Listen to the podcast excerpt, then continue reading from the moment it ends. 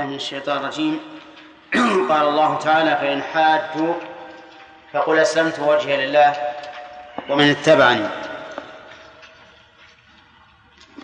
تقدم الكلام على أول هذه الآية. وقلنا إن المحاجة هي المناظرة والمجادلة لأن كل واحد منهما يدلي بحجته بحجته ليغلب صاحبه. والضمير يعود على الذين أوتوا الكتاب لقوله وما اختلف الذين أوتوا الكتاب إلا من بعد ما جاءتهم. وربما يعود عليهم وعلى غيرهم إما بدلالة اللفظ أو بدلالة القياس المعنى. وذكرنا أن الله أمره إذا حاجوه أن يبين أنه قد أسلم وجهه لله وأنه يقول بأمر الله ويدعو بأمر الله. هو ومن؟ اتبعه وأمره الله أن يقول بعد أن أقام الحجة أن يقول بعد أن أقام الحجة للذين أوتوا الكتاب والأميين وهم العرب أأسلمتم؟ وهذا الاستفهام ذكرنا أن أن فيه قولين لأهل العلم. إما أنه بمعنى لخ ها. وش معنى البلاهة؟ كيف البلاهة؟ يسخر منهم. نعم. بعد هذا الوضوح والتبيين هل أسلمتم أم أنتم على ما أنتم عليه؟ طيب. أو والثاني نعم. أنه الأمر. يعني أسلموا ثم قال الله تعالى فإن أسلموا هذا مبتدأ درس. فإن أسلموا فقد اهتدوا. إن أسلموا يعني استسلموا لله ظاهرا وباطنا. أما باطنا فبالإيمان بما يجب الإيمان به. وهي الأركان الستة التي بينها الرسول صلى الله عليه وسلم. وظاهرا بعمل الجوارح وهو الإسلام. المبني على خمسة أركان. شهادة أن لا إله إلا الله وأن محمد رسول الله وإقام الصلاة وإيتاء الزكاة وصوم رمضان وحج البيت. إن أسلموا فقد اهتدوا. اهتدوا هداية توفيق كما قد هدوا هداية دلالة فهداية الدلالة شاملة لجميع الخلق. ما من أناس إلا وقد هداهم الله هداية الدلالة وإن من أمة إلا خلا فيها نذير. لكن هداية التوفيق هي التي حرمها قوم ووفق لها قوم آخرون.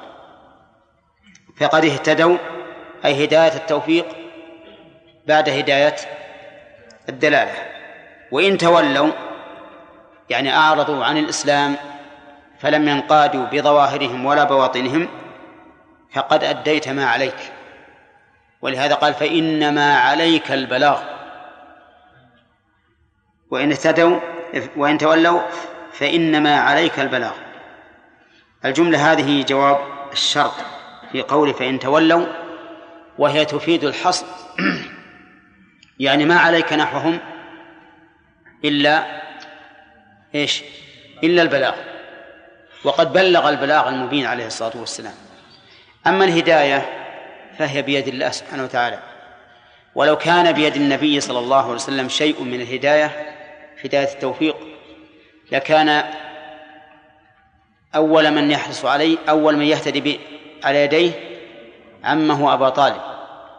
لكن ليس عليه ليس عليه هدى الناس إنما عليه البلاغ أي إبلاغ الرسالة إلى الأمة. فإن اهتدوا فلهم وإن أساءوا فعليهم. والله بصير بالعباد بصير بهم أي عليم بأحوالهم وعليم بأهليتهم. من يصلح للهداية ومن لا يصلح. والبصر هنا بصر الرؤية وبصر العلم. فالله تعالى بصير بالعباد بالرؤية لا يخفى عليه شيء منهم. بصير بالعباد بالعلم لا يخفى عليه شيء من يا مهند لا يخفى عليه شيء من أحواله. فالله بصير بالعباد والعباد هنا يشمل جميع الخلق لأنه ما من شيء في السماوات ولا في الأرض بل ما من أحد في السماء والأرض إلا آتي الرحمن عبدا. من كل من في السماوات والأرض إلا آتي الرحمن عبدا. ولهذا قال والله بصير بالعباد. فإذا كان الله بصيرا بالعباد وأنت قد أديت ما عليك من البلاغ فمن الذي يحاسبهم؟ الله. كما قال تعالى إنما عليك البلاغ وعلينا الحساب. في هذه الآية من الفوائد فوائد عديدة. أولا أن الرسول صلى الله عليه وسلم كان عرضة لمحاجة أعدائه. نعم. من قبل؟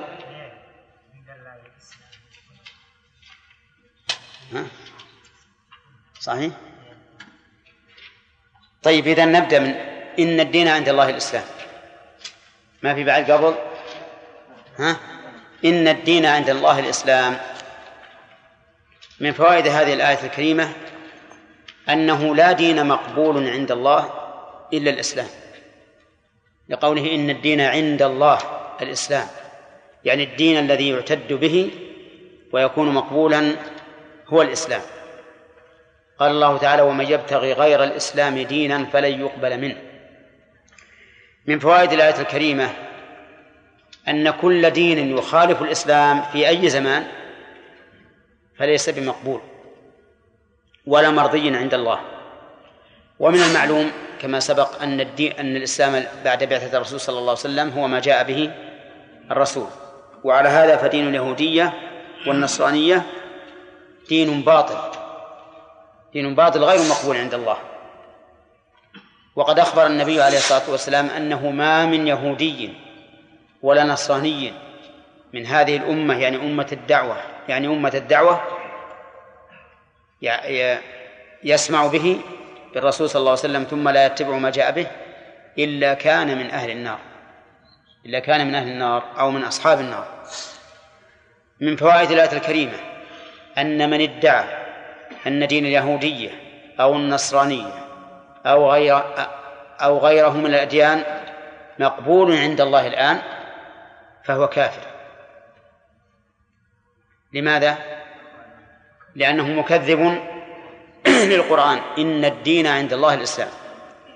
ومن فوائدها بيان ضلال أولئك القوم الذين إذا تكلموا عن الديانات قرنوا بين دين الإسلام واليهود والنصارى.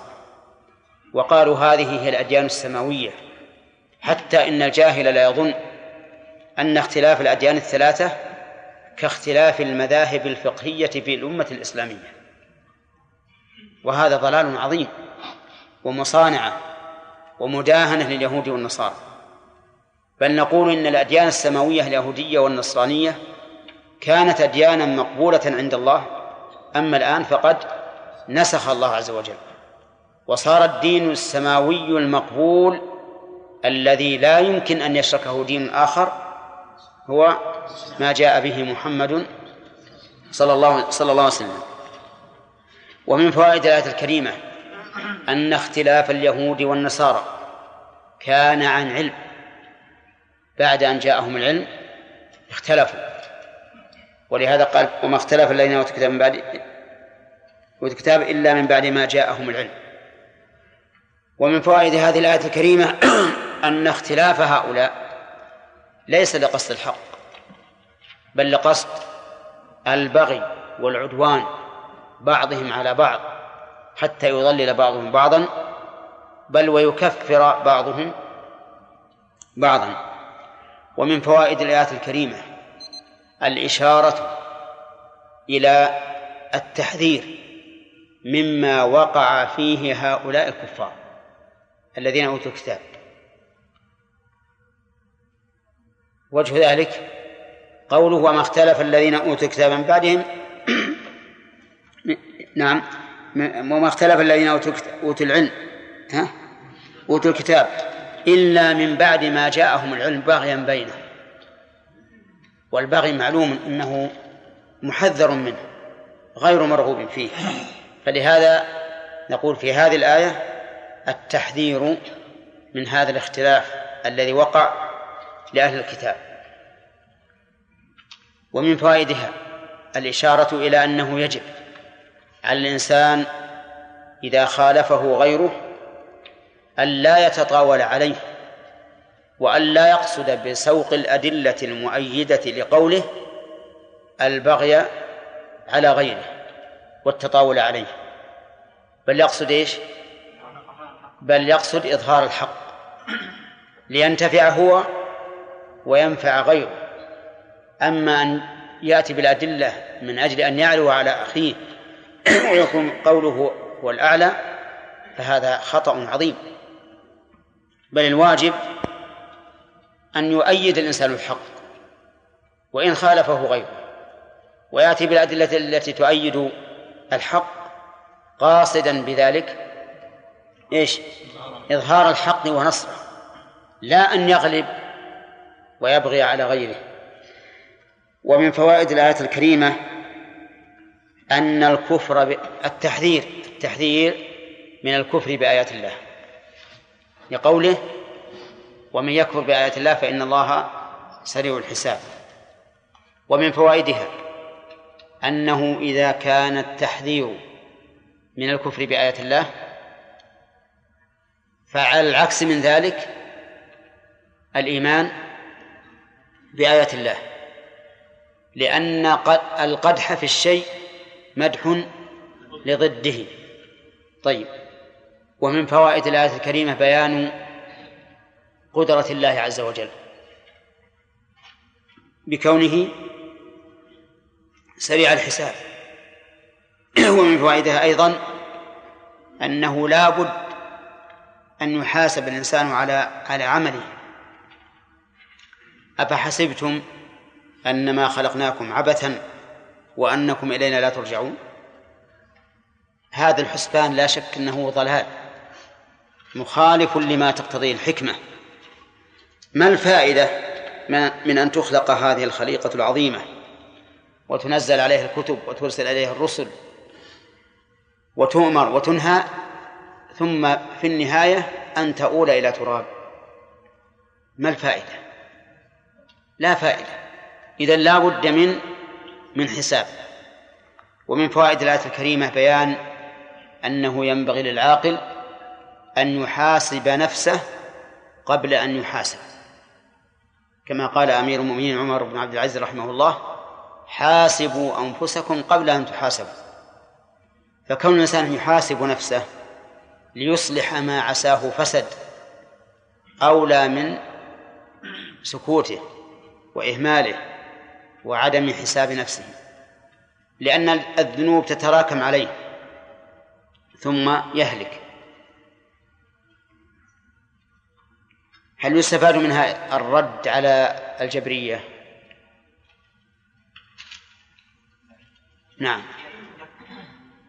وجه ذلك أن الله أسند هذه الأفعال إلى فاعليها وما اختلف الذين ومن يكفر بآيات الله بغيا بينهم وما أشبه ذلك. كل هذا يفيد أن الإنسان إرادة وفعلا. اختياريين خلافا للجبرية الذين قالوا إن أفعال العباد يجبر عليه الإنسان. ثم قال تعالى فإن حاجوك فقل أسلمت وجه الله ومن اتبعني. في هذه الآية دليل على أن النبي صلى الله عليه وسلم له من يحاجه من أعدائه وهو كذلك فإنهم حاجوه في أصل الدين وفي فروع الدين وسخروا منه وأوجدوا الشبهات الكثيرة. نعم منذ بعث وإلى يومنا هذا والناس يثيرون الشبهات حول الدين الإسلامي ولكن يأبى الله إلا يتم نوره لأنهم يريدون أن يطفئوا الله بأفواههم والله متم نوره. ومن فوائد الآية الكريمة أن هؤلاء الذين يحاجون الرسول عليه الصلاة والسلام لا يحتاج لا يحتاجون إلى كبير عناء كبير عناء لأنهم يحاجون على أمر واضح ولهذا أمره الله أن يسفههم وأن يقول أسلمت وجهي لله ومن اتبعني فإن أسلمتم فهو لكم وإن لم تسلموا فعليكم ومن. ويتفرع على ذلك أن من علمت أنه إنما يحاجك لقصد نصر قوله ولو كان باطلا فلك أن تعرض عنه وتقول هذا ما أدين الله به وهذا ما أستسلم له وتدعه لماذا؟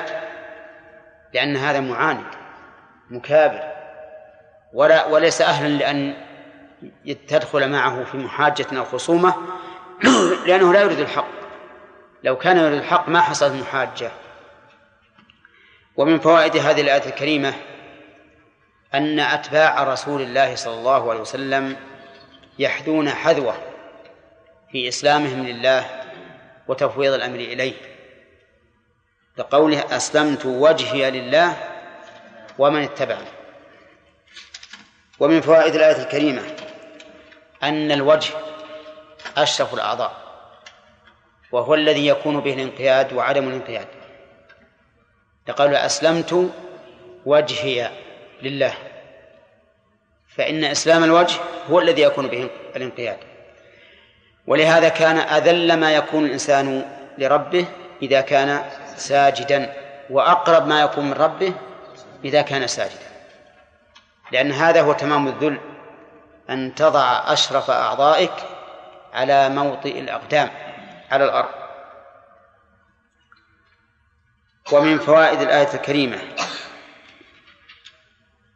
أن النبي صلى الله عليه وسلم متبوع لا تابع لقوله ومن اتبعن ويتفرع على ذلك أن الواجب على من تبين له الحق أن يأخذ به إذا كان يريد أن يكون من أتباع الرسول صلى الله عليه وسلم. أما من يلوي أعناق النصوص إلى قوله فهذا ليس بمتبع حقيقة. لأن بعض الناس إذا قال قولا وجاء في النص القرآني أو النبوي ما يخالف قوله حاول أن يلوي عنق النص ويحرف النص من أجل أن يكون موافقا لقوله وهذا حرام. لأنك أنت تابع ولست بمتبوع. طيب. ومن فوائد الآية الكريمة أنه لا يمكن أن يكون قول أحد من أهل العلم حجة على الآخرين. لماذا؟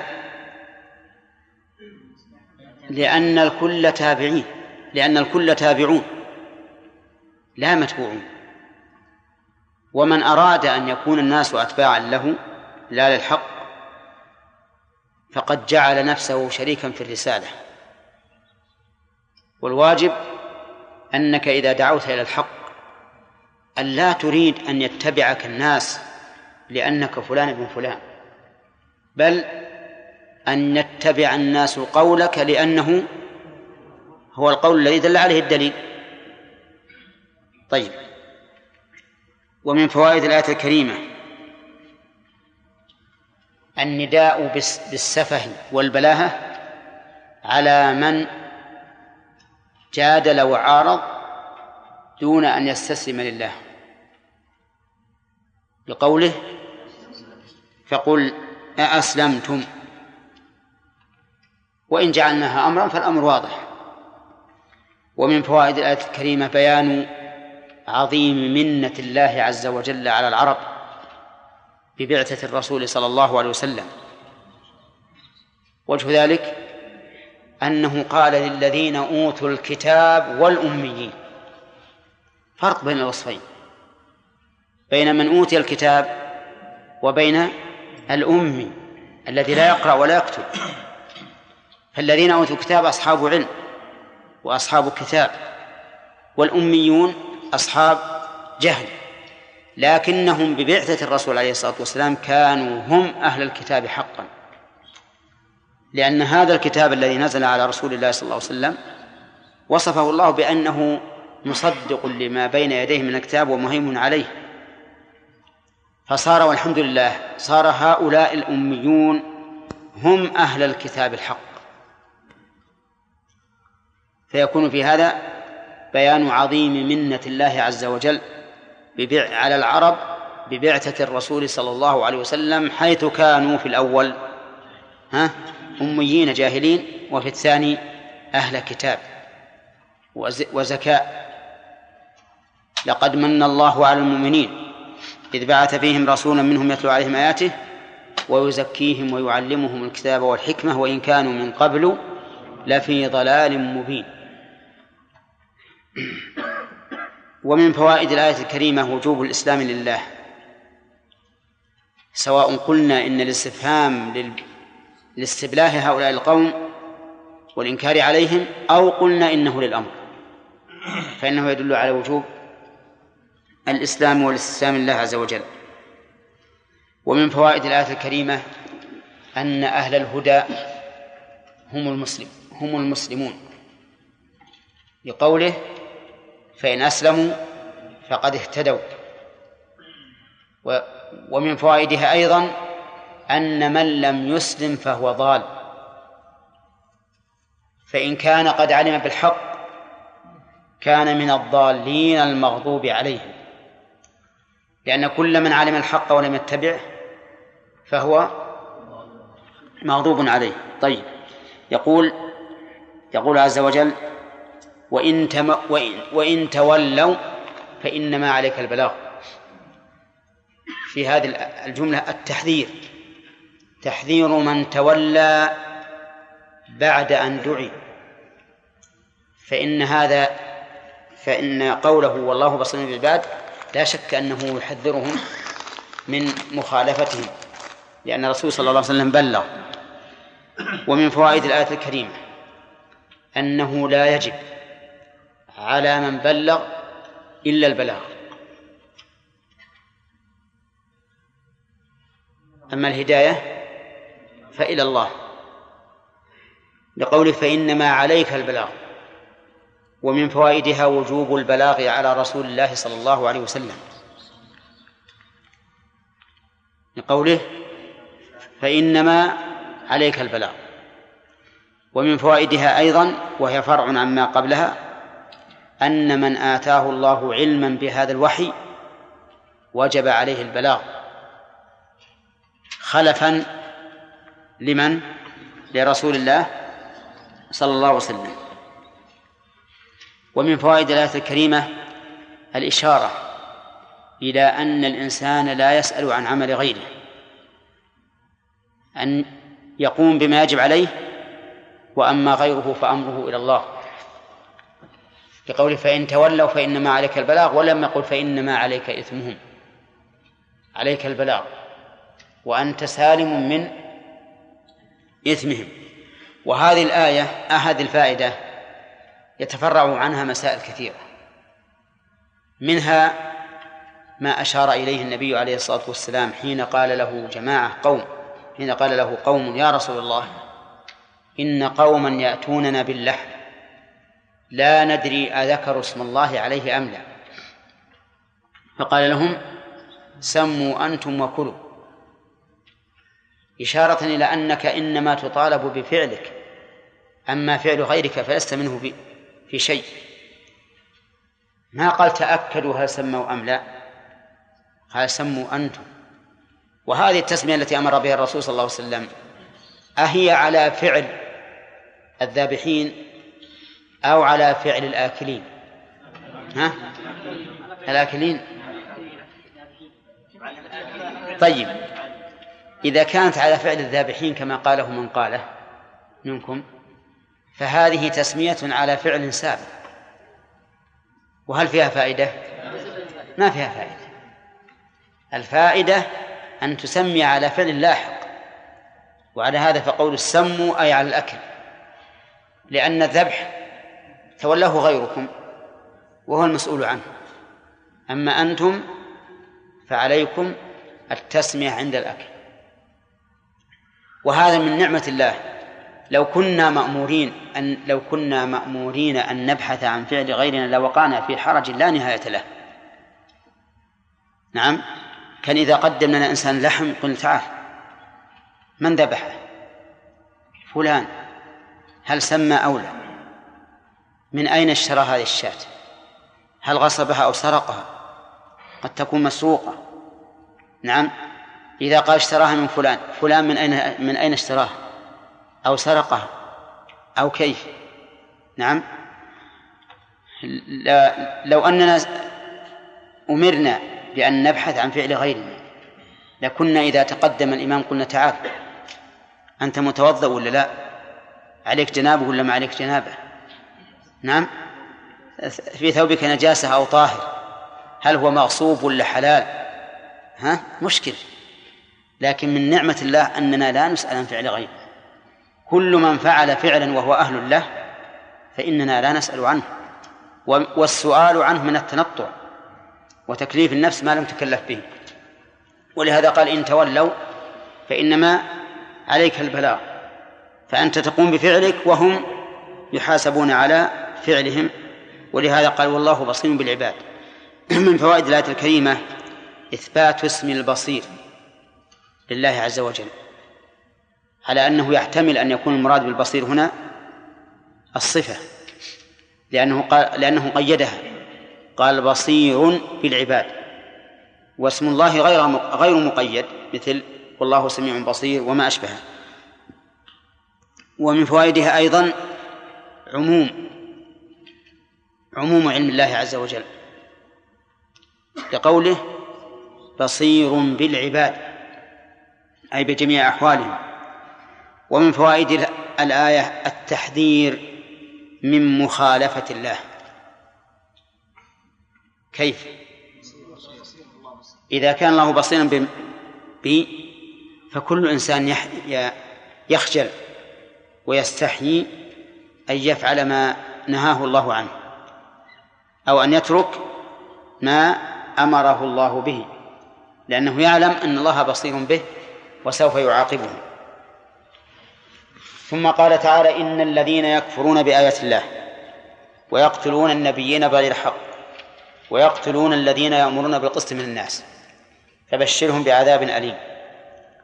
في هذه الآية قراءتان في كلمتين أولا النبيين فيها قراءة النبيين. وثانيا ويقتلون فيها قراءة ويقاتلون ويقاتلون الذين يأمرون بالقسط من الناس ويقاتلون الذين يأمرون بالقسط من الناس. طيب. قال تعالى إن الذين يكفرون بآيات الله يكفرون بآيات الله الكونية أو الشرعية. والآيات جمع آية وهي في اللغة العلامة. وهذه الآيات الكونية التي نشاهدها مما لا يستطيع البشر أن يخلقوا مثلها هي آية على الله. آية تدل على أن الخالق واحد لا شريك له وعلى أنه لا يشبهه شيء. لأن الناس لو اجتمعوا كلهم على أن يخلقوا جبلا واحدا ما استطاعوا. أو أن يخلقوا حيوانا واحدا ما استطاعوا. إن الذين تدعون من دون الله لن يخلقوا ذبابا ولو اجتمعوا له آيات الله الشرعية أيضا لا يمكن للبشر أن يأتوا بمثلها. قل لئن اجتمعت الإنس والجن على أن يكفروا ب... على أن يأتوا بمثل هذا القرآن لا يأتون بمثله. فالآيات الشرعية العلامات الدالة على أن الذي أنزل هذه الآيات إله واحد وأنه كامل الحكمة. هؤلاء الذين يكفرون بهذه الآيات. يقول عز وجل بعد أن ذكر معطوفات متعددة فبشرهم بعذاب أليم. ولكن كيف يكون الكفر؟ محمد كيف يكون الكفر بآيات الله؟ نقول أولا الآيات الكونية. نعم.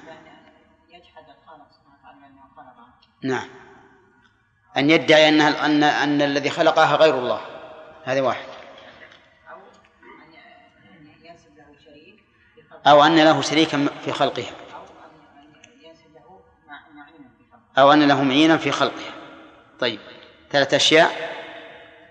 طيب الكفر بالآيات الشرعية. ها؟ نعم. إما بجحودها وتكذيبها أو بالاستكبار والعناد. ومن تكذيبها أو الاستكبار عنها تحريف النصوص. فإن تحريف النصوص نوع من الكفر بلا شك. طيب. يقول إن الذين يكفرون بآيات الله ويقتلون النبيين بغير حق. يقتلون النبيين الذين أرسلهم الله إليهم بغير حق. والنبيون هنا يشمل الرسل ومن لم يرسل من النبيين. وأكثر ما وجد هذه الصفة في اليهود لأن اليهود هم أعتى المخالفين للرسل. وأشدهم غلظة والعياذ بالله. فصار منهم من قتل الأنبياء بغير حق وعبد الطاغوت.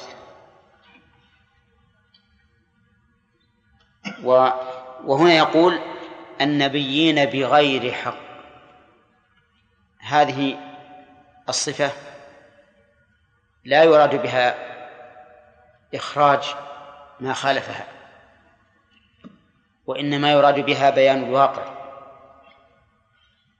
بيان الواقع. والدلالة على أن هذا القتل كان عدوانا. فيراد بها شيئان. أولا بيان الواقع وأنهم يقتلونهم وهم غير محقين. يعني لا يقتلونهم قصاصا مثلا بل يقتلونهم عدوانا وظلما. الثاني أن أن قتلهم كان بباطل. بغير حق. وإلا فليس فليس هناك قتل يكون بحق لأحد من من النبيين. ويقتلون النبيين بغير حق. ويقتلون الذين يأمرون بالقسط من الناس وفي لفظ يقاتلون وفي قراءة يقاتلون. من الذين يأمرون بالقسط من الناس؟ الرسل وغير الرسل. أهل العلم يأمرون بالقسط من الناس. يأمرون الناس بالقسط. الخلفاء الراشدون يأمرون الناس بالقسط. النبيون نعم يأمرون الناس بالقسط. وحينئذ فعطفه على النبيين من باب عطف العام على الخاص. ولكنه خص الأنبياء لأن قتلهم أعظم من قتل غيرهم. فلا شيء أعظم فلا قتل أعظم جرما من قتل النبيين. نعم. بغير حق. ويقتلون الذين يأمرون بالقسط من الناس. بالقسط أي بالعدل. من الناس يشمل النبيين وغيرهم. وقد مر علينا إذا عطف العام على الخاص أو الخاص على العام. هل هذا يدل على إخراج الخاص من الحكم العام؟ أو على التنصيص عليه لأهميته فيكون قد ذكر مرتين. ها؟ الثاني هو الأقرب. يكون ذكر مرتين مرة بطريق العموم ومرة بطريق الخصوص ولكن خص من بين سائر الأفراد أو أعيد عليه أو أعيد الحكم عليه من بين سائر الأفراد للاعتناء به والاهتمام به. فبشرهم بعذاب أليم. الخطاب إما للرسول صلى الله عليه وسلم أو لكل من يتأتى خطابه. وبشرهم أخبرهم بعذاب أليم والعذاب العقوبة والأليم بمعنى المؤلم. وهذه البشارة هل هي على سبيل التهكم بهؤلاء؟ أو هو من باب تشبيه البشارة؟ بما يسوء بالبشارة بما يسر بجامع أن كلا منهما تتأثر فيه البشرة وتتغير. أم؟ ها؟ نعم. يحتمل الواقع. يحتمل هذا وهذا. ولكن إذا قلنا إنه من باب التهكم استفيد بذلك زيادة الألم. على هؤلاء المبشرين. كقوله تعالى خذوه فاعتلوه إلى سواء الجحيم ثم صبوا فوق رأسه من عذاب الحميم. ذق يعني قولوا له ذق. إنك أنت العزيز الكريم فإن هذه الكلمة والجملة لا شك أنها ستبلغ في قلبه كل مبلغ. لأنه سيتذكر أين العزة وأين الكرم. أين العزة التي بها أغلب والكرم التي. الذي به أجود. فيكون أشد إيش؟ أشد وقعا وأشد تحسرا أنه فاته هذا هذا الوصف الذي كان في الدنيا يرى نفسه من أهله. ثم قال نعم.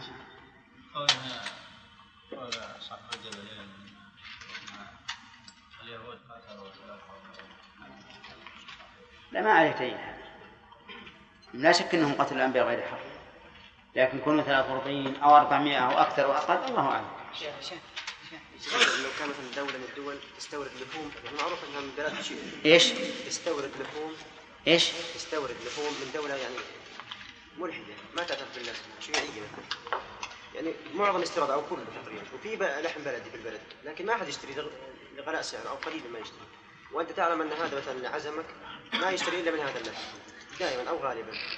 وعزمك أو أعطاك مثلا اللحم هل يتحرج ما تاكل ولا كيف؟ يعني معظم شراء منه كل دائما ما يشتري بلد. اولا أن الدول غير الشيوعية الدول الشيوعية قد يكون فيها مسلمون. ألم تعلم الضجة التي حصلت في يوغوسلافيا الأيام؟ نعم. فيه مسلمون كثيرون. وقد قيل إن أكثر من يتولى المسالخ هم المسلمون لأنهم فقراء في ذلك المكان. فربما يكون الذابح مسلما. لكن مع هذا أهل العلم يقولون إذا وجدت مذكاة في بلد أكثر أهله ممن تحل ذبيحته فهو حلال. اعتبارا اعتبارا بالأكثر والأغلب. وتيسيرا على الأمة. فينظر إذا قيل والله أكثر المسالك في البلد الشيوعي هذا أكثرها يتولاها مسلمون. صار الوارد منه حلالا. وإذا قال أكثر غير مسلمين صار الوارد حراما حتى لو فرض أنها بل بلد يهود أو نصارى. نعم وقد علم أن أكثر من يتولى الذبح لا غير يهودي ولا نصراني فإنها لا تحل ذبيحته نعم. طيب يعني الإنسان إذا ذهب مثلا الآن كثرة الدجاج اللي يعني يأتي من الخارج نعم. يكون من الخارج متيقنين أنهم لم يسمى عليه لم يسموا عليه. لأنهم لا يعرفون التسمية أصلا. وحتى يعني ذهبوا ناس هناك وقالوا أنهم ما علم ما علم لأنه قال لا تأكلوا مما لم يذكر اسم الله عليه ولم يقل ولا تأكلوا مما لم تعلموا. قال مما لم يذكر. يعني من يتيقنا أنه لم يذكر اسم الله عليه. هذا شبه متيقنين يا شيخ. لأن نعرف ما إذا كان شبه متيقن لا تأكل. إذا كنت شبه متيقن لا تأكل. لكن ما دمت لم تتيقن فلك الأكل. إذا كان يتيقنا فلا نأكل معلوم. يتيقن ما جزنا نعم إبراهيم. الفائدة اللي أخذناها أن من آتاه الله علما هذا الوحي فعليه البلاغ ويجب عليه البلاغ نعم. العالم يجب عليه أن يبلغ الشرع. بلغوا. الوحي إيه. الوحي ما هو القرآن وحي؟ لا غير ها لهذا لا لا نبي يا بني محمد شيخ شيخ شيخ. نعم. قوله تعالى إن الذين يكفرون هذا المعطوف هذا كل موصول للسلة هذا خبر للإن وبشر بعذاب أليم هذا خبر وهذا الاسم الفاء الجزائية من وين فهمتم سؤاله؟ لا لا هذا الرجل فهم فهم جيد. وأنتم ولدتم في البلد هنا في العرب. ولا فهمت هذا الإشكال؟ يقول الفاء الواقعة في خبر المبتدأ. كذا؟ وش اللي جابه هنا؟ ما في أداة شرط. يقول يقول العلماء إن اسم الموصول يشبه اسم الشرط في العموم. إيه، الذين. إن الذين يكفرون. فهو كقوله إن من يكفر بآيات الله. يعني متزمن لمعنى الشرط أي نعم.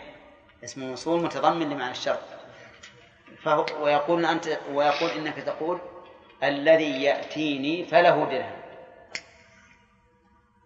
فهو بمعنى قولك من من يأتيني فله دليل معلوم؟ شيخ. شيخ بالنسبة لقول الله سبحانه وتعالى فإن حاجوك فقل أسلمت وجهي لله. إذا إذا قيل المقصود الوجه من الذات أي أسلمت ذاتي كلها لله سبحانه وتعالى نعم. أما يكون قوله أقرب من ذلك؟ هو من أسلم وجهه فقد أسلم نفسه. من أسلم وجهه فقد أسلم نفسه. الآن مثلا واحد يكلمك ويقول له كذا. وش معنى؟ حط مارك كلك ولا بس وجهك يسمع؟ ها؟ الكل. الكل. ولو ولو قال ولو كان يهرجك وانت قلت هو ما عليه وقلت أنا اتسمع لك ودي وش تقول؟ يصدقونك الناس؟ نعم؟ لا. ما يصدق. نعم؟ يقول يا شيخ إن اختلاف العلماء في فهم النص. يعني أحيانا بعض العلماء يعطيك فهم للنص يختلف عن من شخص من عالم إلى آخر. يعني هل هذا يكون اختلاف التنوع أو التراج؟ يعني كيف ضابط هذا الشيء؟ ما ندري. إذا كان يمكن الجمع بين بين القولين فهو من باب التنوع. فمثل قال بعض العلماء في قوله والليل إذا عسعس أي أدبر وقال آخرون والليل إذا عسعس أقبل ولا تضاد في هذا. فهو اختلاف تنوع. اختلاف تنوع.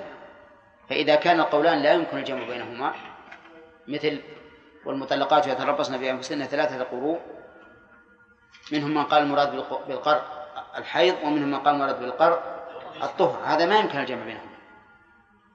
هذا اختلاف تضاد. وكذلك قال قال الأحناف يدخل وقت العصر إذا صار ظل كل شيء مثليه. وقال غيرهم يخرج وقت العصر إذا كان ظل كل شيء مثليه. ها؟ فرق ما يمكن الجمع. هذا اختلاف؟ تضاد. إيه، هذا الضابط نعم. شيخ الله عز وجل أمر النبي صلى الله عليه وسلم عند المحجات يقول اسلمت وجهي لله ما حكم المحجة التي تحدث فيه بين المسلمين وأهل نعم. المحاجة هذه إذا ظهر عنادي فقول هكذا. أما ما دام أنهم غير معاندين لكنهم يتطلبون الحق فجادل حتى يتبين الحق. ولكن إذا تبين عنادهم الآن فإننا نقول إما أن نضرب أعناقكم أو أن تعطوا الجزية عن يد وأنتم صاغرون. هذا الواجب على المسلمين. إذا قدروا أما إذا لم يقتلوا كلوة الحاضر فهذا شيء. الله من الشيطان الرجيم. أولئك الذين حبطت أعمالهم في الدنيا والآخرة وما لهم من ناصرين. ألم تر إلى الذين أوتوا نصيبا من الكتاب يدعون إلى كتاب الله ليحكم بينهم ثم يتولى فريق منهم وهم معرضون.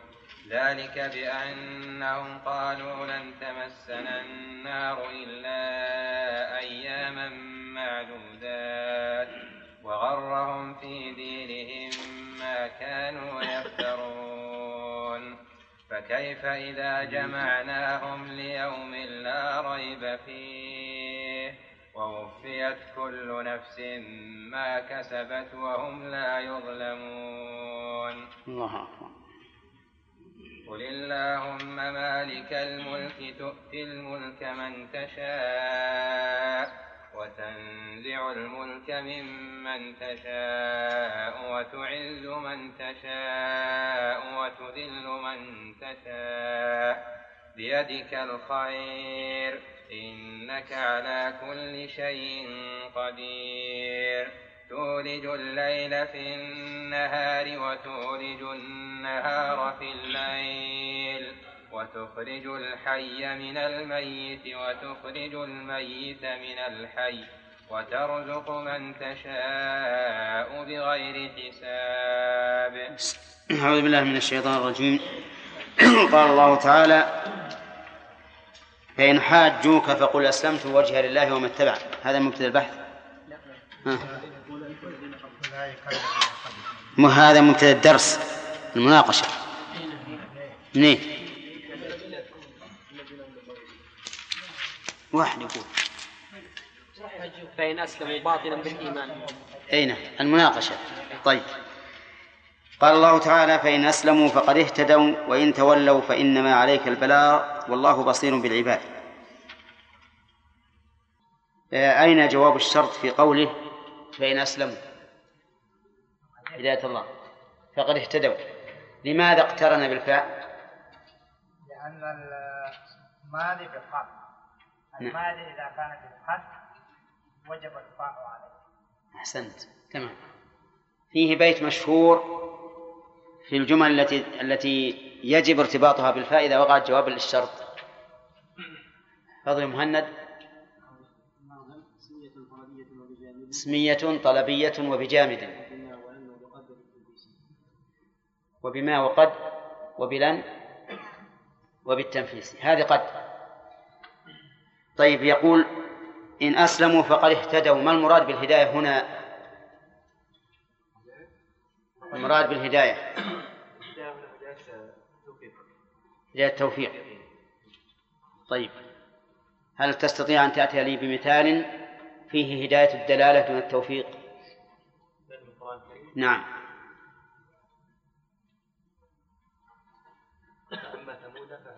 ثمود فأما ثمود فهديناه فاستحبوا العمى على الهدى. هذه هداية إيش؟ هداية دلالة طيب. آه، يستفاد من هذه الآية أن الرسول صلى الله عليه وسلم ليس عليه ليس عليه هداية الناس. وإن تولوا فإنما عليك البلاغ. هل ينسحب هذا الحكم على من ورث النبي صلى الله عليه وسلم من أهل العلم ها؟ فيكون عليهم البلاغ دون هداية دون هداية التوفيق نعم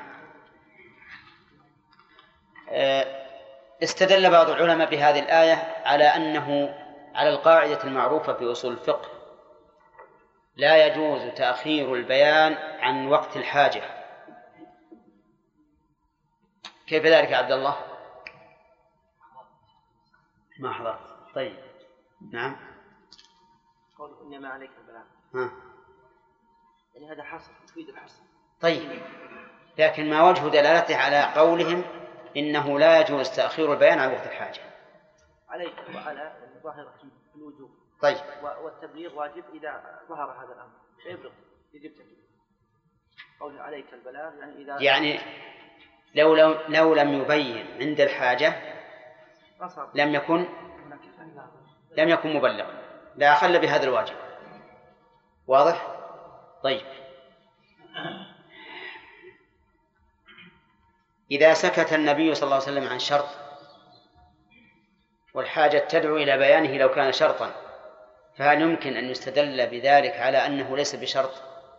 يعني مثل مسألة اشترطها بعض العلماء لصحة العبادة. والنبي صلى الله عليه وسلم سكت عنها في حال تدعو الحاجة إلى بيانها لو كانت واجبة.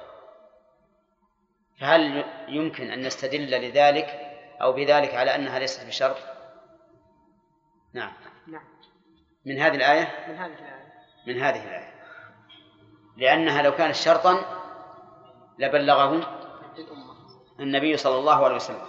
طيب. قوله والله بصير بالعباد يا غانم. هل المراد بصر الرؤية أو بصر العلم؟ نعم. بصر العلم. بصر العلم لماذا لماذا قيدتها في هذه الآية ببصر العلم؟ بصير بالعباد يعملون طيب. ولا يمكن أن يكون بصيرا بأعمالهم؟ يراها؟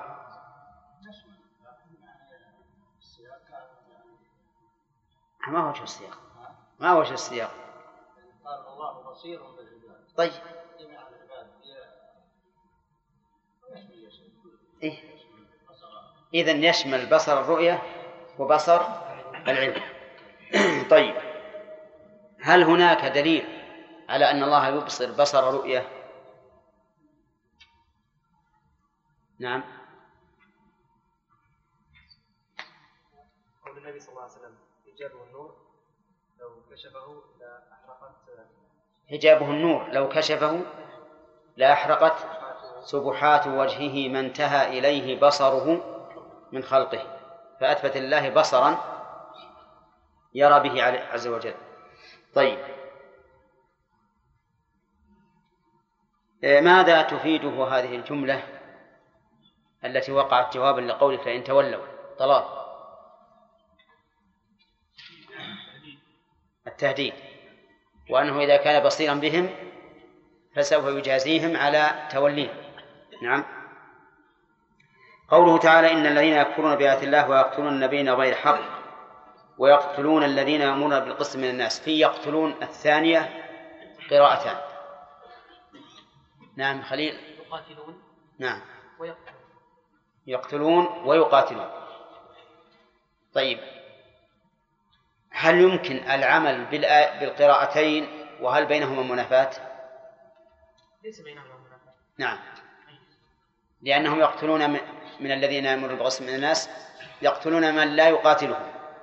ويقاتلون من يقاتلهم. طيب. في النبيين قراءتان أيضا؟ النبيين والنبيين. النبيين والنبيين. طيب. أظن مر علينا أنه إذا جاءت قراءتان في آية فإن الأفضل أن يقرأ الإنسان بهذه مرة وبهذه مرة كما لو جاءت السنة بصفتين من صفات العبادة فالأفضل أن يفعل الإنسان هذا مرة وهذا مرة كذلك القراءتان ولكن يجب أن يتأكد الإنسان من القراءة يجب أن يتأكد الإنسان من القراءة. فإذا تأكد أن هذه قراءة سبعية فإنه فإن الأفضل أن يقرأ بهذه مرة وبهذه مرة لأن الكل سنة. طيب. قوله تعالى ويقتلون بين غير حق محمد بن سلام. هل هناك قتل للنبيين بحق؟ لأنه جعل محط الذم قتل النبيين بغير حق. فهل هناك قتل للنبيين بحق. ما ندري.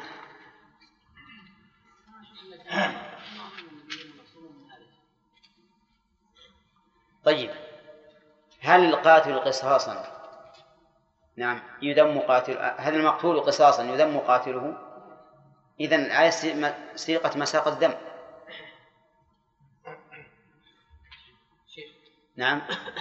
لبيان الواقع. لبيان الواقع صحيح.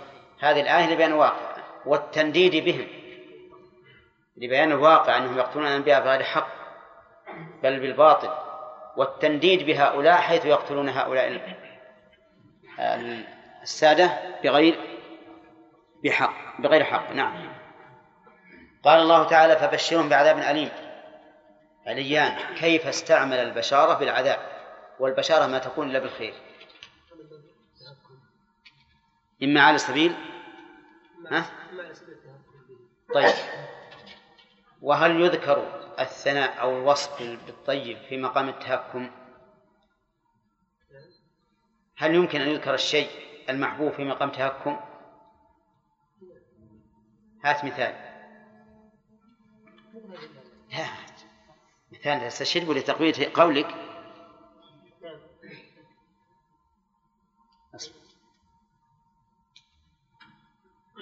نعم محمد. مثاله في قوله ذق إنك أنت العزيز الكريم. طيب. هذا وجه الوجه الثاني عليان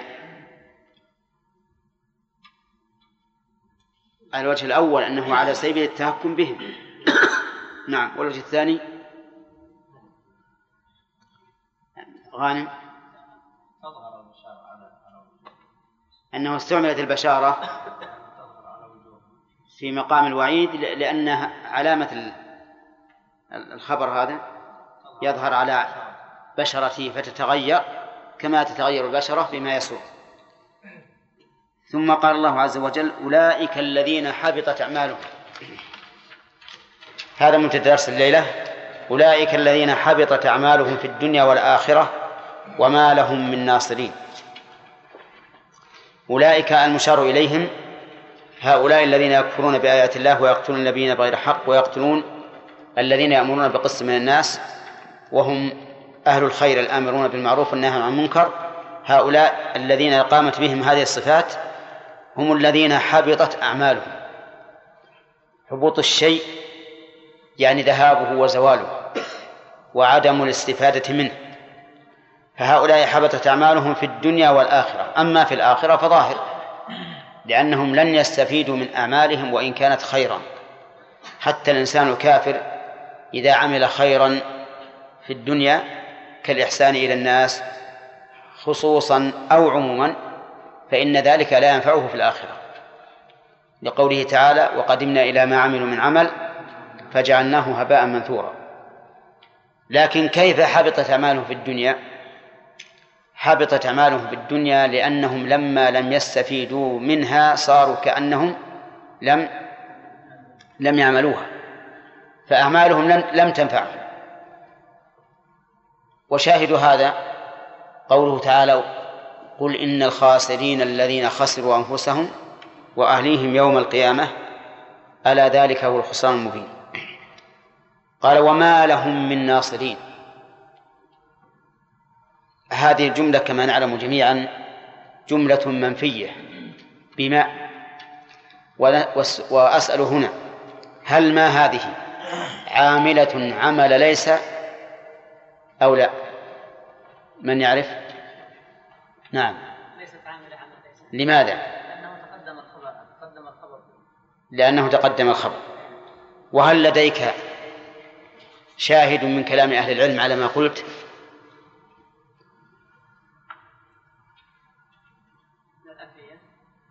من الألفية إذا كانت مغيرة حبلين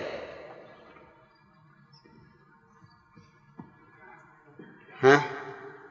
يلا هداية الله. قاعدة نحوية نقول نقول. آه، نعم. لا يعمل لمشابهة الليث. لا لا لا.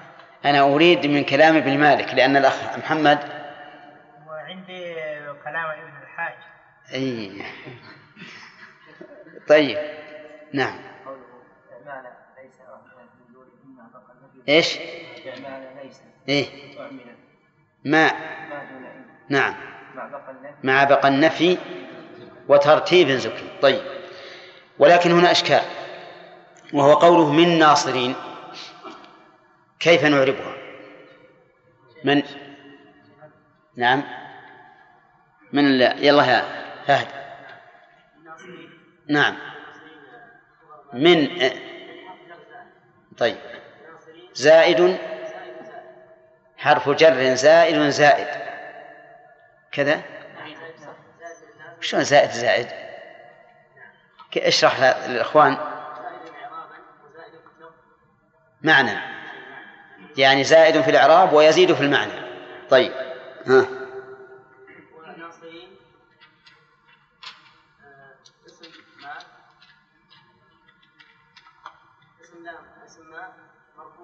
اسم ما وانت قلت ما عم... و... و... ومحمد يقول ما تعمل. كيف نقول اسم ما؟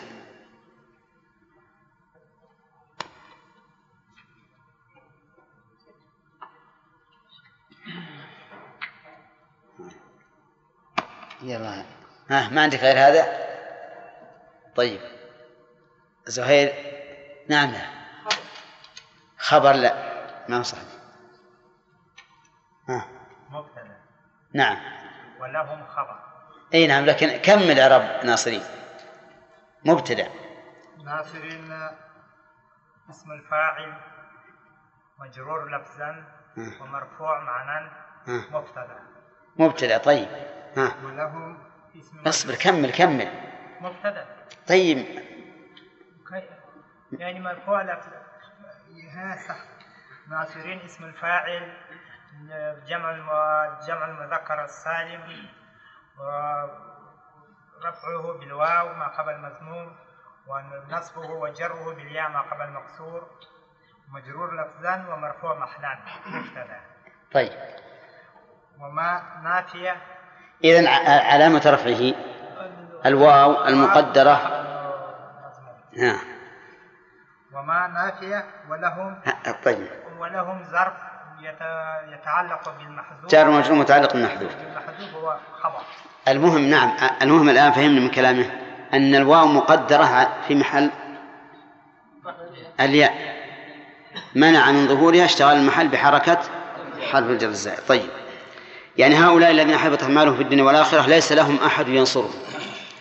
وأكد سبحانه وتعالى النفي هنا أكده بمن؟ الزائدة. يعني ما لهم أحد ينصرهم لا على سبيل الاجتماع ولا على سبيل الانفراد. لأن من الزائدة إذا دخلت تجعل النفي نصا في العموم كلا النافي للجنس. ثم قال الله تعالى ألم تر إلى الذين أوتوا نصيبا من الكتاب يدعون إلى كتاب الله ليحكم بينهم ثم يتولى فريق منهم وهم معرضون؟ ألم ترى الاستفهام هنا للتعجب.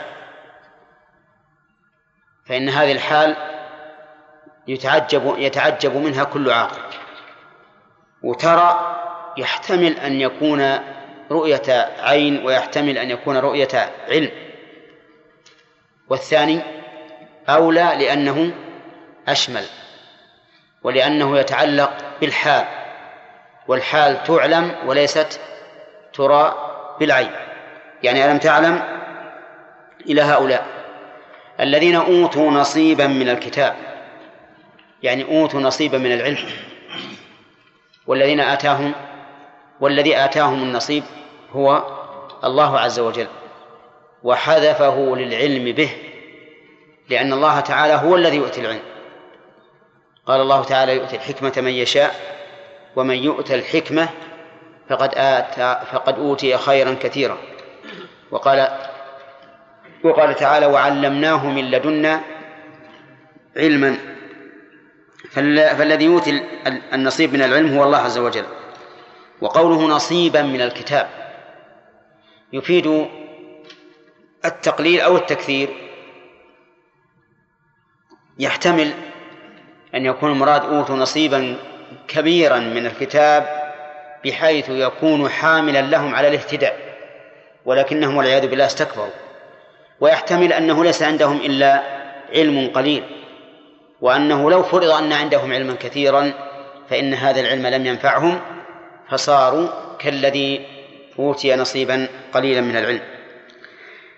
وقوله يدعون إلى كتاب الله هذا محل التعجب يعني أنهم مع ما عندهم من العلم يدعون إلى كتاب الله والداعي لهم هو رسول الله صلى الله عليه وسلم ومن دعا بدعوته إلى يوم القيامة. هؤلاء يدعون إلى كتاب الله ليحكم بينهم. إسناد الحكم هنا يحتمل أن يكون إلى الله عز وجل. ليحكم الله عن بينهم بكتابه. ويحتمل أن يكون إلى الكتاب. ويسند الحكم إليه لأن الحكم صار به. ويضاف الشيء إلى سببه كثيرا. على كل حال سواء قلنا إن الضمير في يحكم يعود إلى الله أو قلنا إنه يعود إلى الكتاب. هؤلاء يدعون إلى كتاب الله ليحكم بينهم ولكنهم لا يقبلون هذا. ولهذا قال ثم يتولى فريق منهم وهم معرضون. يتولى فريق منهم لا كلهم لأن بعضهم قد هدي. بعضهم بعض هؤلاء الذين أوتوا نصيبا من الكتاب قد هداهم الله وهم كثير. لكن تولى فريق منهم ومع توليهم فإنهم معرضون والعياذ بالله. ليس عندهم إقبال لا في الظاهر ولا في الباطن. بل هم متولون معرضون. وإنما قال وهم معرضون وهي جملة حالية من فريق. إنما قال ذلك لأن الإنسان قد يتولى لسبب طارئ لكن في قلبه شيء من الإقبال. أما هؤلاء فإنهم متولون وهم قد امتلأوا إعراضا عن كتاب الله ليحكم بينهم. وهنا يقول يتولى فريق منهم وهم معرضون. كيف صحت الحال من النكرة؟ فريق.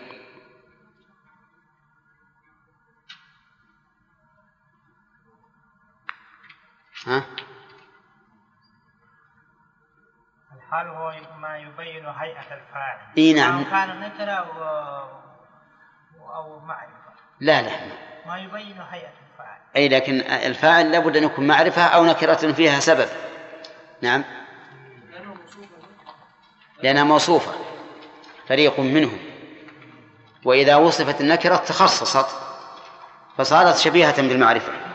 ثم يتوالى في قومهم عروض ذلك بأنهم قالوا لن تمسنا النار إلا أياما معدودات. ذلك المشار إليه التولي والإعراض.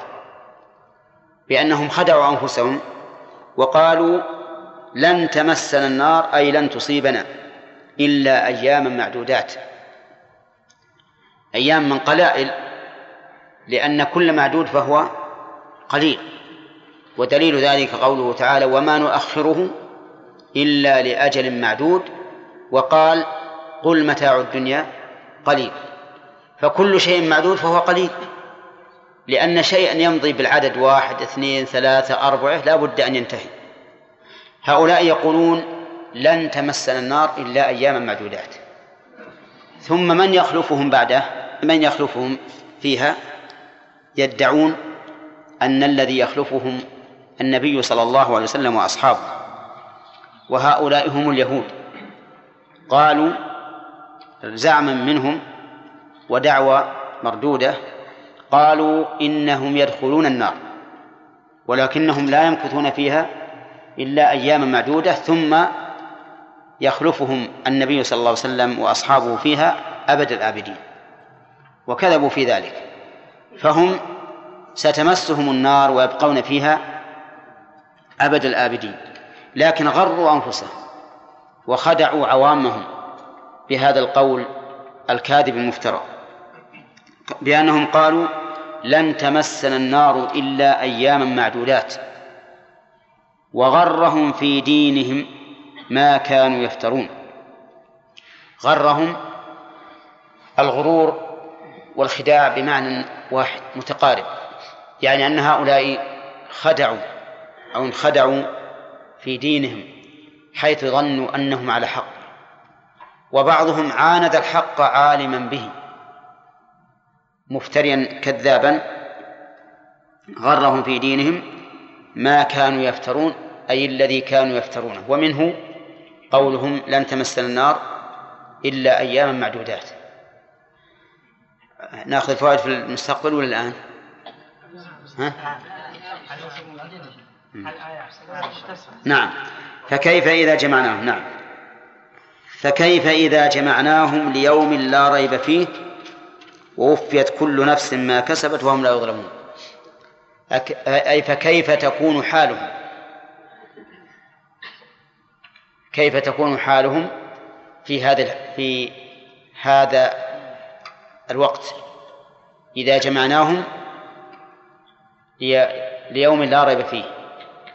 والاستفهام للتعظيم يعني ما أعظم ما تكون حالهم في تلك اليوم وما أشد حسرتهم إذا جمعناهم ليوم لا ريب فيه أي جمعناهم لهذا اليوم أي فيه واللام تأتي دائما بمعنى في ويسمونها لام التوقيت ومثل ومنها قوله تعالى يا أيها النبي إذا طلقتم النساء فطلقوهن لعدتهن أي في قبل عدتهن أي في استقبال عدتهن. فاليوم لا ريب فيه أي جمعوا لهذا اليوم أي فيه وهو يوم القيامة وقوله لا ريب فيه. إما أنه خبر بمعنى النهي بمعنى النهي. المعنى لا ترتابوا فيه. أو أنه خبر على حقيقته والمعنى أن الله عز وجل يخبر عن هذا اليوم بأنه لا ريب فيه أي لا ريب في وقوعه. وهذا اليوم قد دل عليه الكتاب والسنة الكتاب والسنة والعقل. أما الكتاب فما أكثر الآيات التي فيها إثبات اليوم الآخر. وما أكثر الأمثال التي يضرب الله يضربها الله عز وجل لإثبات هذا اليوم ببعث الخلائق. وأما في السنة فكثير أيضا إثباتها إثبات هذا اليوم. وأما في العقل فلأن العقل يدل بالضرورة على أن هذه الخليقة لا بد أن يكون لها معاد تحاسب عليه على ما أمرت به لأنه ليس من المعقول أن ينشئ الله خليقة يأمرها وينهاها ويبعث إليها الرسل وينزل عليها الكتب ويستباح دماء من لم ينقد لهذه الكتب ويتبع هؤلاء الرسل ثم تكون النتيجة أن تموت هذه البشرية ولا تبعث تكون ترابا. لو وقع هذا الفعل من أي أحد لقيل هذا؟ سفه من أسفه السفه. لو أن الإنسان صنع ثوبا وخاطه وأتقنه ومن أحسن ما يكون ثم في النهاية أحرقه وتلف ولم يبقى له أثر. لعد الناس كلهم هذا سفها. فكيف بهذه الخليقة التي خلقها الله عز وجل وأنزل عليها الكتب وأرسل إليها الرسل وأباح دماء وأموال؟ من لم ينقد لهذه الكتب ويتبع هؤلاء الرسل ثم تكون نتيجة أن تتلف هذه الخليقة بدون أي معاقبة وأي حساب. فالكتاب والسنة والإجماع والعقل كلها دلت على ثبوت هذا اليوم الذي قال الله فيه فكيف إذا جمعناهم اليوم لا ريب فيه؟ ووفيت كل نفس ما كسبت. وهم لا يظلمون. وفيت يعني أعطيت. ومنه قولهم وفاه حقه أي أعطاه حقه وافيا.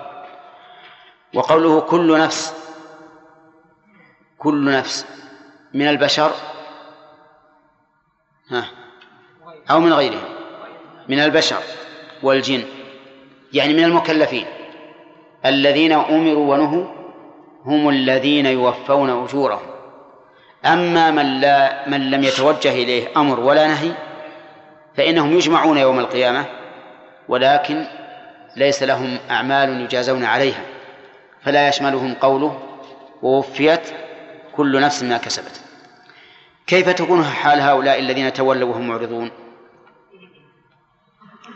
تكون أسوأ حال والعياذ بالله لأنهم ينظرون إلى الناس وقد جوزوا بالثواب العظيم وإلى أنفسهم وقد جوزوا بالعذاب المهين فتكون علي أعمالهم حسرات عليهم والعياذ بالله يوم القيامة.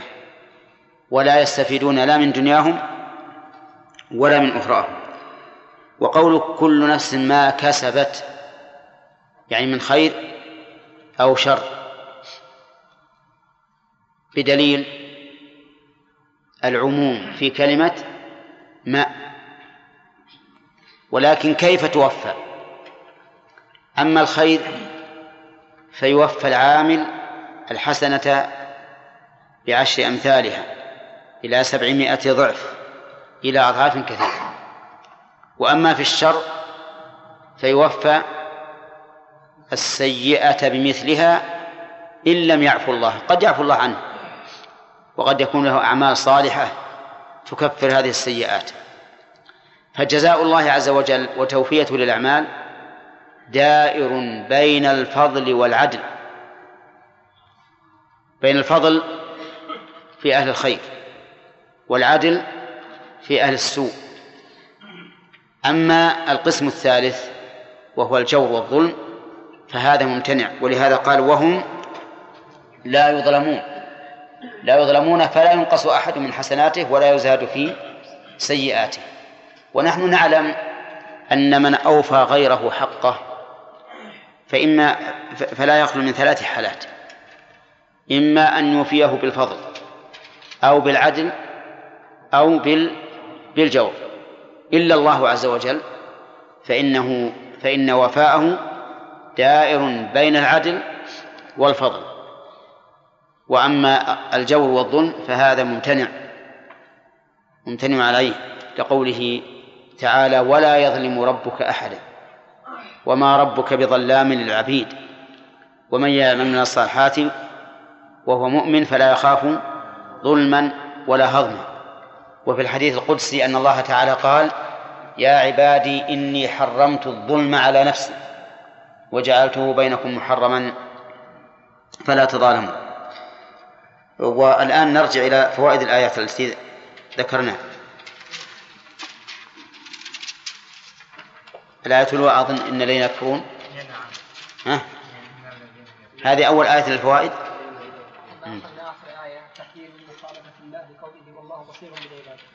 نعم. إذن إن الذين يكفرون بالله. قال الله تعالى إن الذين يكفرون بالله بآيات الله. ويقتلون النبيين بغير الحق إلى آخره. في هذه الآية من الفوائد أنه ينبغي أن يعلن لهؤلاء الكفار بما أمر الله تعالى أن نبشرهم به. بشرهم بعذاب أليم. والنبي عليه الصلاة والسلام لا شك أنه كلما كانت الحكمة في تبشير هؤلاء بالعذاب الأليم بشرهم. وهكذا من ورث النبي صلى الله عليه وسلم في العلم والدعوة ينبغي أن يبشره أن يبشر كل كافر بآيات الله بالعذاب الأليم. لكن يجب أن يكون هذا تابعا للحكمة. قد لا يكون من الحكمة إذا دعوت رجلا للإسلام أن تقول تعال أنت كافر؟ فإذا قال نعم قل ابشر بالعذاب الأليم وأسلم. يصلح هذا؟ ها؟ ما يستقيم. لكن لكل مقام مقال. إذا دعوته وعاند واستكبر حينئذ يناسب أن تقول إن بقيت على ما أنت عليه فأبشر بالعذاب الأليم. أو يأتيك رجل يمدح لك هؤلاء الكفار ويقول فيهم وفيهم وفيهم وفيهم تقول يا أخي بشرهم بعذاب أليم. ماذا ينفعهم هذا يوم القيامة؟ ومن فوائد الآية الكريمة وجوب الإيمان بآيات الله. لأن الله تعالى توعد هؤلاء الكافرين بها بالعذاب الأليم. والإيمان بالآيات الكونية له معنى وبالآيات الشرعية له معنى. فالإيمان بالآيات الشرعية قلنا إنه هو تصديق الأخبار والعمل بالأحكام وأن لا يتعرض لتحريفها.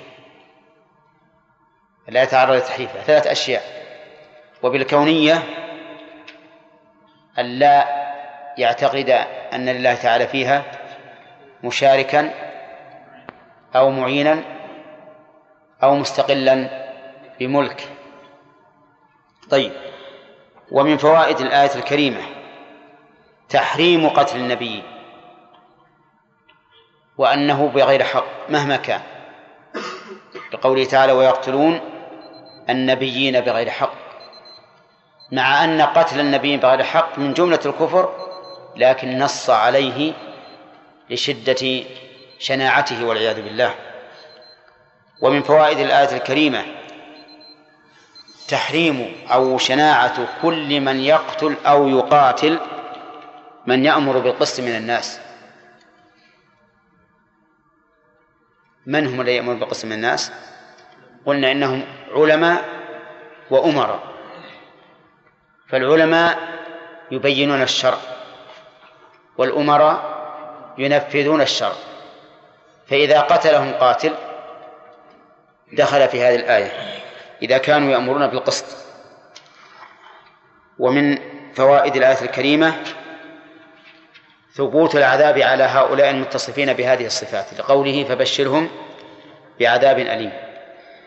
ومن فوائدها أن العذاب الذي يبشرون به ليس عذابا هينا يتحمل ولكنه عذاب مؤلم.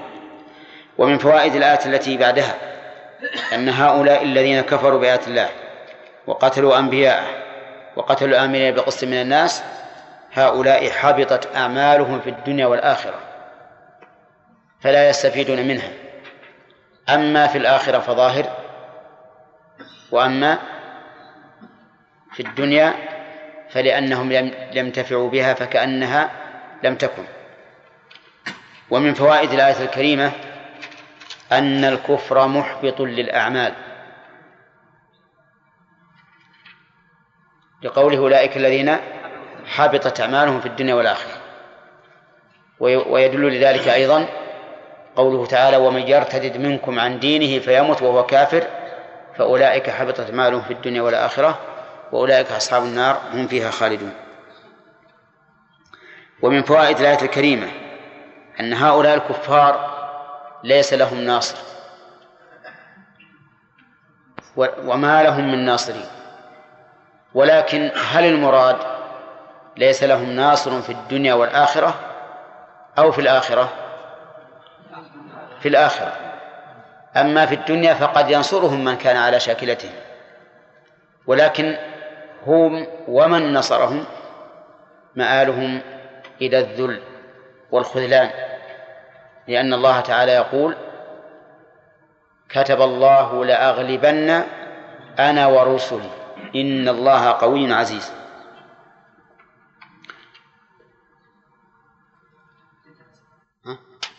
طيب.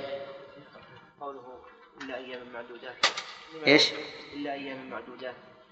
يعني التفريق بين تعبير معدودة معدودة. تنزع الملك ممن تشاء وتعز من تشاء وتذل من تشاء. بيدك الخير إنك على كل شيء قدير.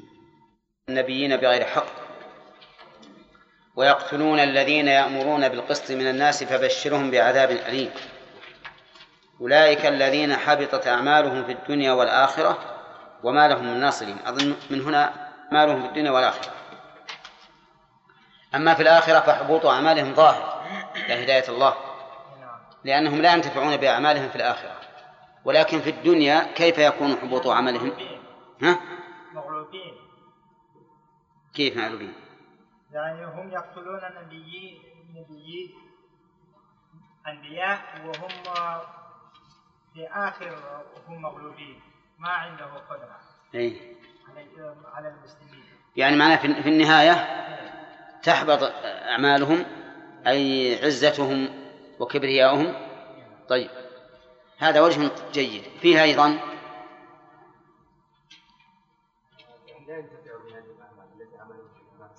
نعم فلما لم ينتفعوا بها صارت حابطة وإن انتفعوا بها في الدنيا لكن لما لم تكن نافعة لهم في الآخرة صارت ضائعة. كما قال تعالى قل إن الخاسرين الذين خسروا أنفسهم وعليهم يوم القيامة. طيب قوله تعالى ألم تر إلى الذين أوتوا نص- نصيبا من الكتاب يدعون؟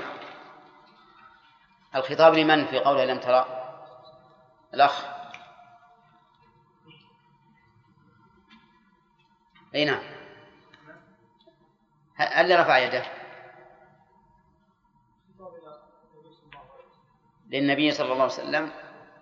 ما في وجه آخر؟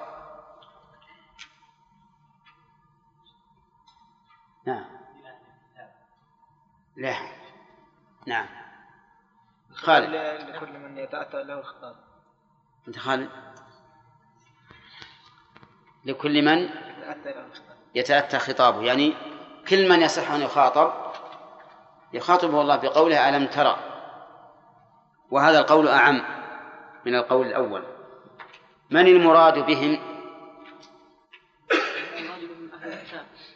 من؟ اليهود والنصارى. اليهود والنصارى. طيب نصيبا هنا نكرة. هل هو للتقليل أو للتكثير؟ نصيبا تدل على التقليل وقد ترد يعني يعني وقد ترد دال وقد ترد دالة على التكثير قليلا. أيهما المراد هنا؟ المراد التقليل. يعني أنهم أوتوا شيئا من العلم. أي نعم. شيئا قليلا.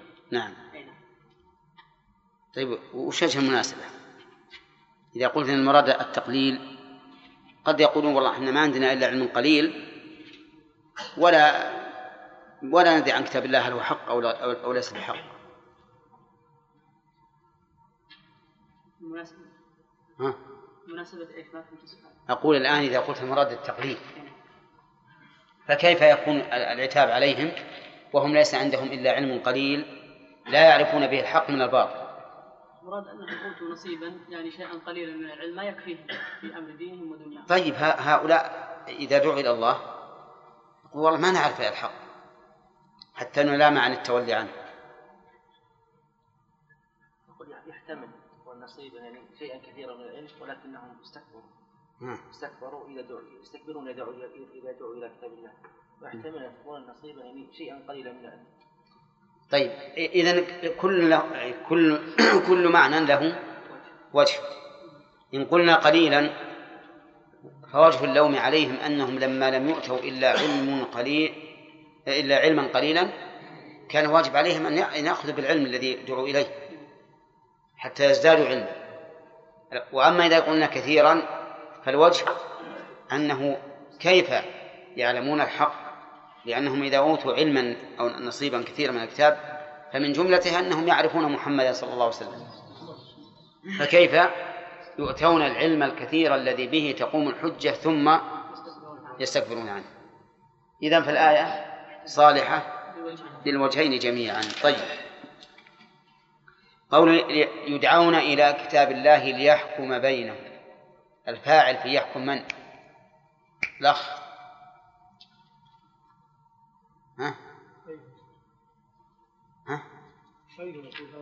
اللي وراك. ما حضر. ما حضرت؟ نعم. في في يحكم الفاعل هو اسم الجلالة ويا كتاب كلاهما. يعني يجوز أن يكون عائدا الله وعائدا إلى الكتاب. وعائدا إلى الكتاب. كذا؟ لأن الكتاب يحكم. ها؟ وكذلك الله عز وجل يحكم بين عباده. طيب. لماذا يتولون وهم معرضون؟ ما- هو السبب الذي حملهم على ذلك؟ خليل. لا. ها. نعم. هذا اللي دعاهم إلى ذلك. الغرور. نعم. وأن أنفسهم غرتهم. فقالوا لن تمسنا النار إلا أياما معدودة ثم بعد ذلك تخلفوننا أنتم يا محمد وأصحابك فيها. طيب. ولهذا قال غرهم في دينهم ما كانوا يفترون. طيب. ما المراد بالاستفهام في قوله فكيف إذا جمعناهم ليوم لا ريب فيه؟ عظيم هذا اليوم؟ نعم. يعني كيف هول هذا اليوم؟ إذا. جمعناهم. أو كيف حالهم؟ هذا اليوم إذا جمعوا. فيتضمن تعظيم هذا اليوم وتهديد هؤلاء. نعم. إذن لتعظيم ذلك اليوم ولتهديد هؤلاء القوم. ما المراد بهذا اليوم؟ سامي. طيب قال الله لا ريب فيه. لا شك فيه. لماذا لا شك فيه وهو أمر غائب؟ المخبر عنه حق ها؟ المخبر عنه حق ها. إن الله هو الذي أخبر عنه. الكتاب والسنة والعقل دلوا عليه. لأن كل من الكتاب والسنة والعقل دل عليه على هذا اليوم. والناس يبعثون. نريد يا محمد بن سلامة دليلا من القرآن على ثبوت هذا اليوم. غير الآية اللي معنا.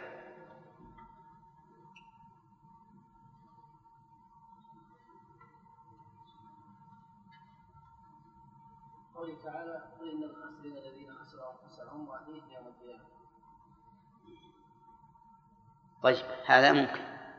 لكن ما في آية تدل على أن الناس يجمعون في ذلك اليوم عشان توافق المعنى؟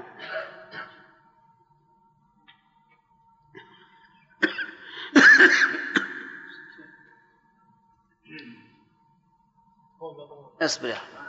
ما تحمل طيب. فكيف إذا فكيف إذا جمعناهم لا لا كنا غير الآية هذه. نعم. زعم الذين كفروا أن لن يبعثوا قل بلى وربي نعم. ما في دليل على نفس الجمع. زين. صح. أي نعم. وفي في سورة هود ذلك يوم مجموع له الناس وذلك يوم مشهود. طيب. يقول الله عز وجل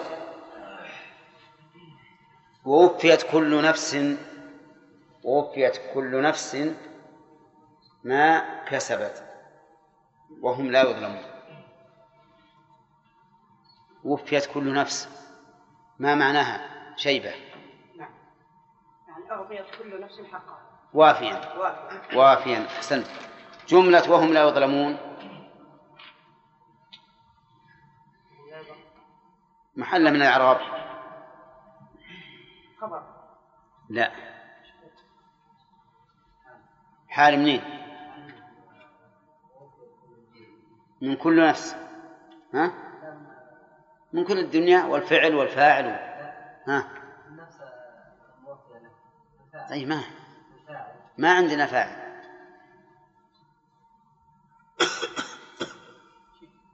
اللي عندنا نائب فاعل لأن وفي فعل المضارع ماضي مبني المجهول أي من نائب الفاعل وهو قوله كل كل نفس. طيب. ما معنى الظلم